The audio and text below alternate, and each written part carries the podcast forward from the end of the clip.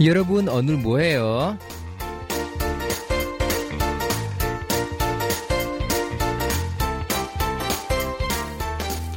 Lagi ngapain nih? Mending kita berbagi cerita di Kepo dengan DJ Lodi. Woo! Dan teman-teman kami yang berada di Korea nih yang lagi ngerayain liburan Hari Raya Chuseok. Liburan masih sisa dua hari nih. Hmm, enaknya kemana ya?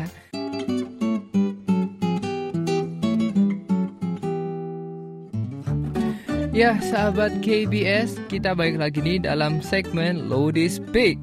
Dan emang berhubung masih liburan ya di Korea. Topik pilihan aku hari ini adalah Hokangse atau nih kira-kira pendengar ada yang tahu nggak sih ini Hokangse apaan gitu kira. Jadi emang Hokangse ini adalah singkatan dari kata hotel dan bak bakangse atau vacation nih. Jadi kayak bahasa Korea kayak bahasa keren kayak bahasa apa ya kekiniannya gitu kan ya. Kayak hotel staycation nih di Korea ini emang lagi hot banget atau namanya liburan di hotel nih.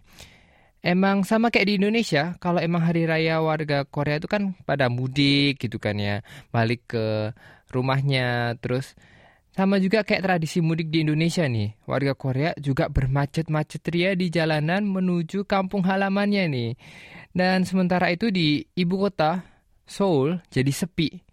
Jadi buat para perantau seperti aku dan teman-teman asing yang nggak ngerasain Chuseok atau nggak merayakan uh, hari raya Chuseok ini ya, emang mau nggak mau akhirnya kita terjebak di dalam kota Seoul selama lima hari yang berubah jadi uh, kota zombie gitu kan ya, benar nggak ada orang, terus kayak restoran tutup dan lain sebagainya.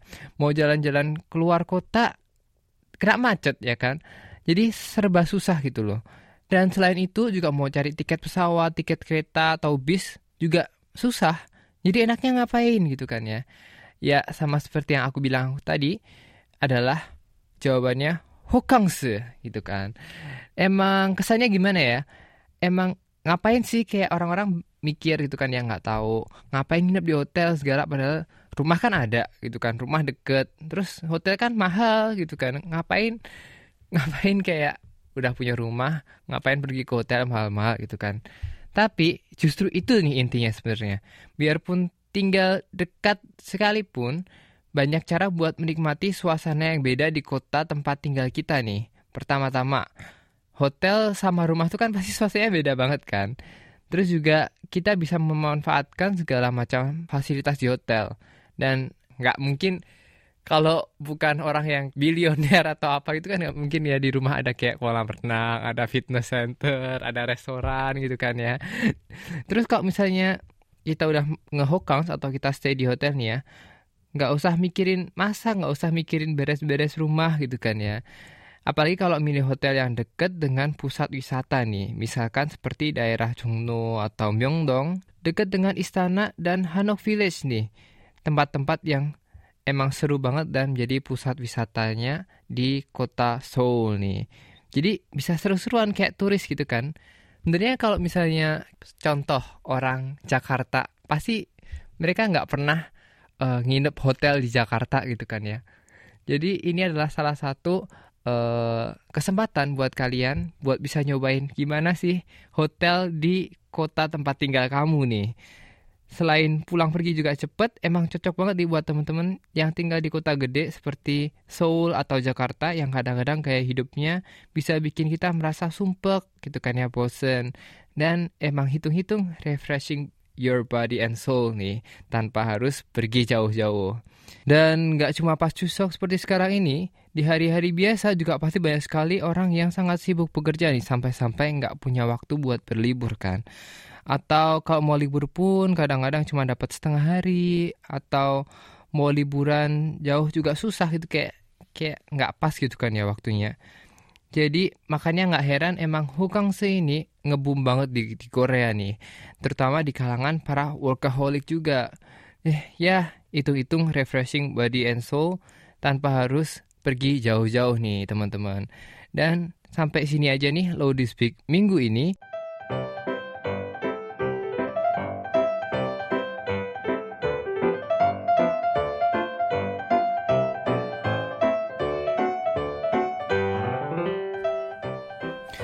Dan kita masuk ke segmen favorit aku nih Yaitu segmen buku harian pendengar alias upper gitu kan ya. Dan tapi emang beneran sih bacain diary-diary dari teman-teman bisa bikin baper beneran nih. Kalau mau ikutin diary-nya dibacain sama aku Caranya gampang, tinggal kirimin diary kalian atau curhatan kalian ke email kbs di indonesia at kbs.co.kr atau ke DM Instagram KBS WRI di at KBS Indonesia nih.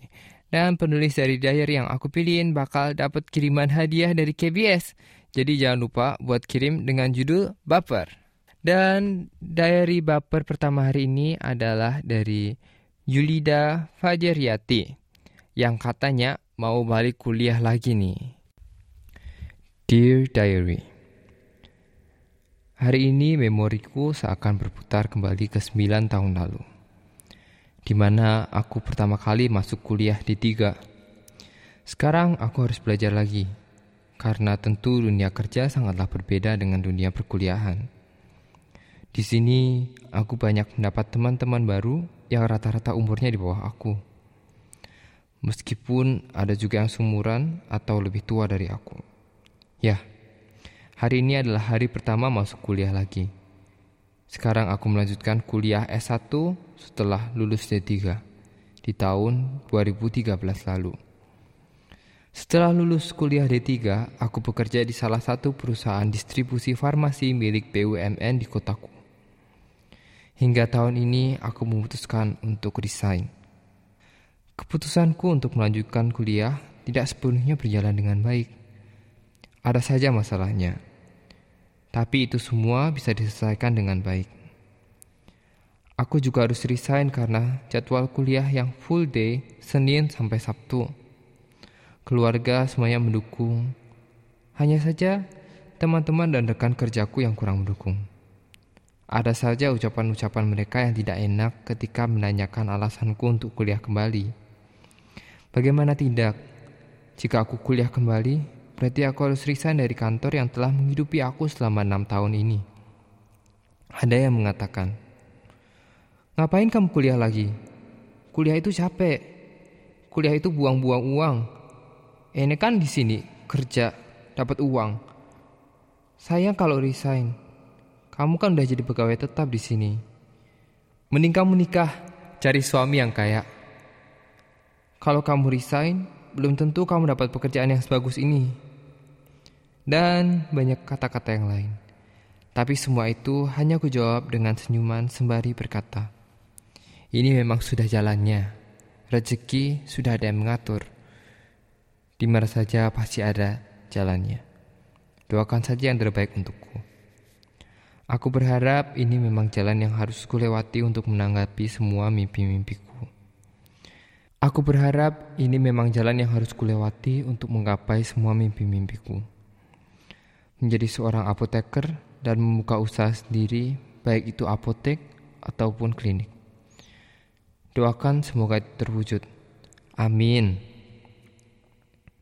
Mungkin cukup sampai di sini ceritaku. Terima kasih untuk tim KBS WRI yang telah memilih ceritaku dan DJ Lodi yang sudah membacakannya. Salam dariku. Dan emang buat uh, Yuli dan ya, semoga semuanya berjalan dengan baik, lancar. Dan emang untuk menggapai mimpi kita, pasti kita harus uh, melakukan banyak hal-hal yang mungkin uh, orang-orang di sekitar kita tidak bisa mengerti alasannya. Tapi dengan jujur dan selalu bekerja keras, pasti kita dapat menggapai mimpi-mimpi kita. Dan dari kedua hari ini adalah kiriman dari Naila Naufi. Sebenarnya Naila ini udah kirim diary-nya minggu lalu tapi berhubung jatahnya hanya baca dua nih ya. Jadi hari ini aku akan bacain. Ya Naila, diary kamu nih. Soalnya cerita Naila ini kayaknya pernah kita semua alami. Jadi pingin banget aku baca ini. Halo halo DJ Ludi. Apa kabar? Gimana rasanya jadi DJ di segmen Kepo? Pasti seru ya. Hari ini aku mau menceritakan kebodohanku yang aku laluin hari ini. Jadi tadi pagi sebelum berangkat ke kampus, aku beres-beres isi tas. Semua isinya aku keluarin. Terus dirapin, terus dimasukin lagi. Gak lupa aku pindahin uang receh yang ada di tas ke dalam saku. Dan pas udah di perjalanan, kan aku naik angkot kan. Terus aku iseng nih mau nyari name. Eh, ternyata card holder aku nggak ada. Isinya kartu ATM, kartu buat buka pagar rumah, KTP, sama uang 100 ribu aku selipin di situ.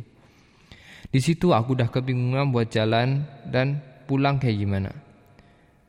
Tapi untungnya aku sempat mindahin uang receh ke saku. Dan itu dipakai buat bayar angkot. Di angkot aku udah misu-misu sendiri karena ceroboh. Dan aku merasa setiap bulan September aku punya jinx gitu. Terus pas udah nyampe kampus aku udah gak mikir apa-apa. Dan aku udah gak bisa jajan sampai pulang. Tapi bersyukur saldo aplikasi ojek online aku masih ada isinya. Sehingga akhirnya aku pulang naik ojol. Pas sampai rumah, aku nggak nemu card holder aku di atas kasur. Akhirnya aku keluarin lagi isi tas sampai berantakan banget. Dan eh ternyata card holdernya ini ada dan nyelip di antara buku-buku nih. Pada udah nyalahin si Jinx, Taunya ini murni kebodohan diri sendiri.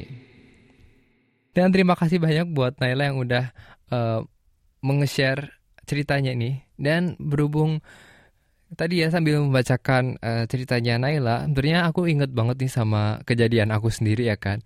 Yang waktu itu udah pagi-pagi kan harus berangkat ke KBS.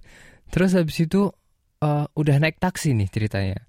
Udah naik taksi, terus udah sampai KBS tapi waktu mau bayar kayak oh nggak ada nggak ada kartunya gitu kan ya di kantong di kantong uh, celana aku kartunya nggak ada gitu kan. Terus akhirnya dari situ gue balik lagi ke rumah naik taksi itu lagi. Terus sampai di rumah nggak ada. Dan ternyata saudara-saudara kartunya ada di kantong baju saya. Di kantong dalam gitu kan ya. Kalau misalnya ada jaket itu kan biasanya ada kantong dalam gitu kan. Dan itu tuh bener-bener nggak kepikiran. Jadi udah udah dari rumah ke KBS kartunya kirain nggak ada balik lagi ke rumah. Di rumah nggak ada panik. Terus habis itu cari ternyata selama ini cuma ada di kantong baju saya gitu kan. Kayak yang tahu kan kayak rasanya waktu kepala mau meledak rasanya kalau misalnya udah udah saking panik, udah saking nggak tahu harus gimana, eh ternyata cuman masalah yang simple banget. Dan pastinya para pendengar lainnya juga pernah nih uh, mengalami cerita-cerita seperti ini yang mungkin bisa di-share di Instagram kita, tentunya di KBS Indonesia di Instagram nih ya. Dan selamat buat Yulida dan Naila yang diary-nya udah dibacain. Jangan lupa buat konfirmasi alamat kamu ke email KBS ya supaya kamu bisa mendapatkan hadiahnya ini. Dan buat yang diary-nya belum dibacain hari ini, hmm, dengerin juga Kepo minggu depan. Dan bisa aja dari kamu dipilih buat segmen baper minggu depan nih.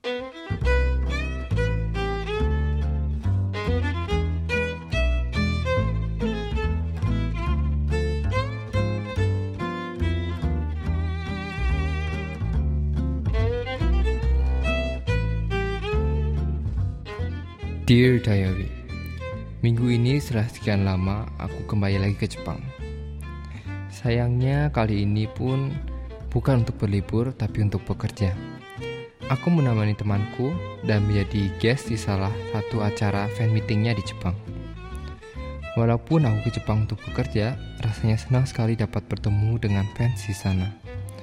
Ternyata banyak juga fansku yang datang ke acara itu. Perasaanku pun menjadi campur aduk senang, sedih, dan juga terharu. Melihat mereka, aku hanya berpikir satu hal saja. Aku harus mempersiapkan karya baru yang terbaik untuk para fansku yang setia menunggu. Setelah jadwalku selesai di Jepang, sesuatu yang tidak terkira datang menyambutku. Badai Typhoon. Typhoon Liling namanya. Gara-gara si Liling ini banyak transportasi yang tidak berfungsi. Bahkan airport pun sampai ditutup. Perjalanan ke bandara yang biasanya hanya memakan waktu satu jam, jadi memakan waktu 3-4 jam. Aku akhirnya terpaksa berputar kembali ke kota Tokyo dan menunda kepulanganku ke Korea karena terjebak macet. Mungkin ada untungnya juga, karena walaupun tidak banyak, aku dan teman-temanku menjadi punya waktu luang untuk membeli barang-barang yang tidak sempat kita beli sebelumnya, karena sibuknya jadwal acara kami. Setelah pengalaman hari sebelumnya, akhirnya hari itu kami memutuskan untuk berangkat ke bandara 7 jam sebelum jadwal keberangkatan. Kami pikir kita akan terjebak macet lagi, dan perjalanan ini memakan waktu setidaknya 3 jam. Ya kan, pasti begitu. Itulah yang kita pikirkan. Ternyata kami tiba di airport hanya dalam waktu 50 menit saja nih Dan kita harus menunggu di airport selama lebih dari 6 jam. Memang benar-benar minggu yang sangat cukup menarik ya. Teman-teman, 오늘도 고생 많았어요.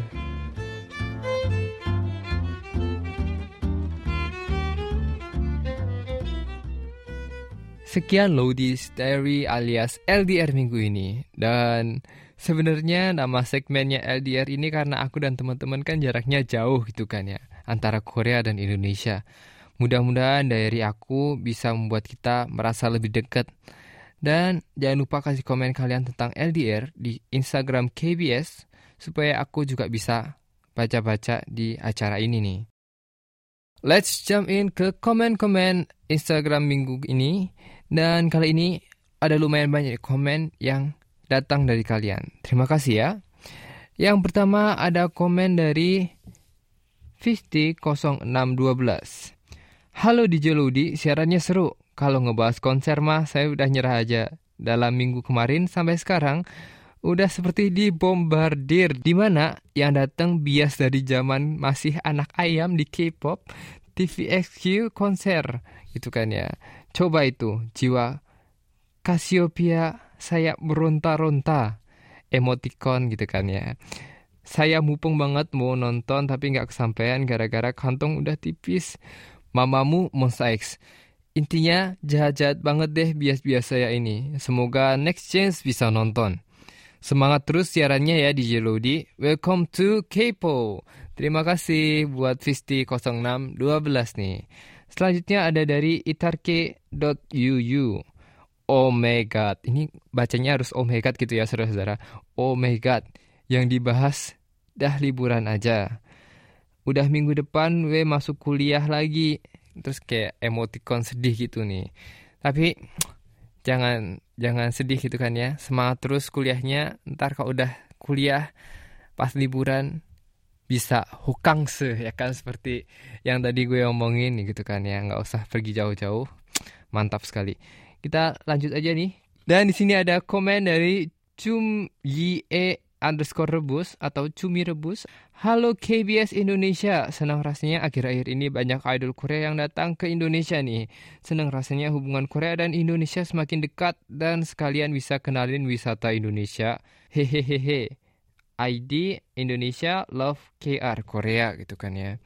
Emang mantap sekali nih. Emang hari-hari ini tuh kayak Indonesia dibombardir Korea gitu kan ini tadi katanya si Visti 0612 tapi juga di sisi lainnya dengan saat-saat seperti ini kita bisa juga memperkenalkan budaya-budaya Indonesia ke artis-artis Korea dan juga para kepada warga Korea nih. Ada juga nih dari Hijra Jamwelia at KBS Indonesia. Luha juga gitu kan ya. Doakan semoga aku cepat selesaikan studiku terus pingin jalan-jalan ke Korea. Moga-moga ketemu Kak Lodi. Amin amin gitu kan ya. Amin, gue aminin juga gitu kan ya. Emang semangat terus buat studinya. Ntar kalau udah studi jalan-jalan ke Korea, mungkin uh, waktu jalan-jalan mungkin bisa ketemu gitu kan ya. Diaminin dulu semuanya. Mari pendengar semua diamini. Dan di sini ada juga komen dari Sunarti underscore 94. Mas kapan balik kampung gitu kan. Jam ora kangen bapak ibu apa hahaha ngerantau baik. Ini uh, bahasa daerah yang agak susah ya dibacainnya maaf. Tapi di sini uh, jawabnya gimana ya belum tahu nih kapan mau balik kampung tapi mungkin bisa didoakan ya kan bisa cepat atau mungkin ada yang mau membelikan saya tiket pulang bisa di terima ntar bisa balik ke Indonesia gitu kan ya cepat. Nah ada komen terakhir nih spesial dari Nalana uh FF. episode pertama kemarin seru. Sekali lagi selamat ya di Celodi. Wah, kok udah ngomongin liburan aja nih. Padahal aku udah masuk kuliah minggu ini loh, DJ.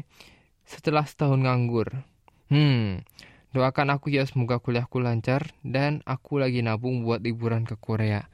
Wah, ini para pendengar kita emang sekarang lagi pada mulai start nih ya kuliahnya lagi. Jadi nggak cuma buat Nala Nauf, terus ada para pendengar-pendengar kita lainnya. Semangat terus kuliahnya. Dan semoga juga buat para pendengar yang lagi mempersiapkan liburannya ke Korea bisa cepat-cepat ke Korea dan bisa berwisata di Korea nih ya.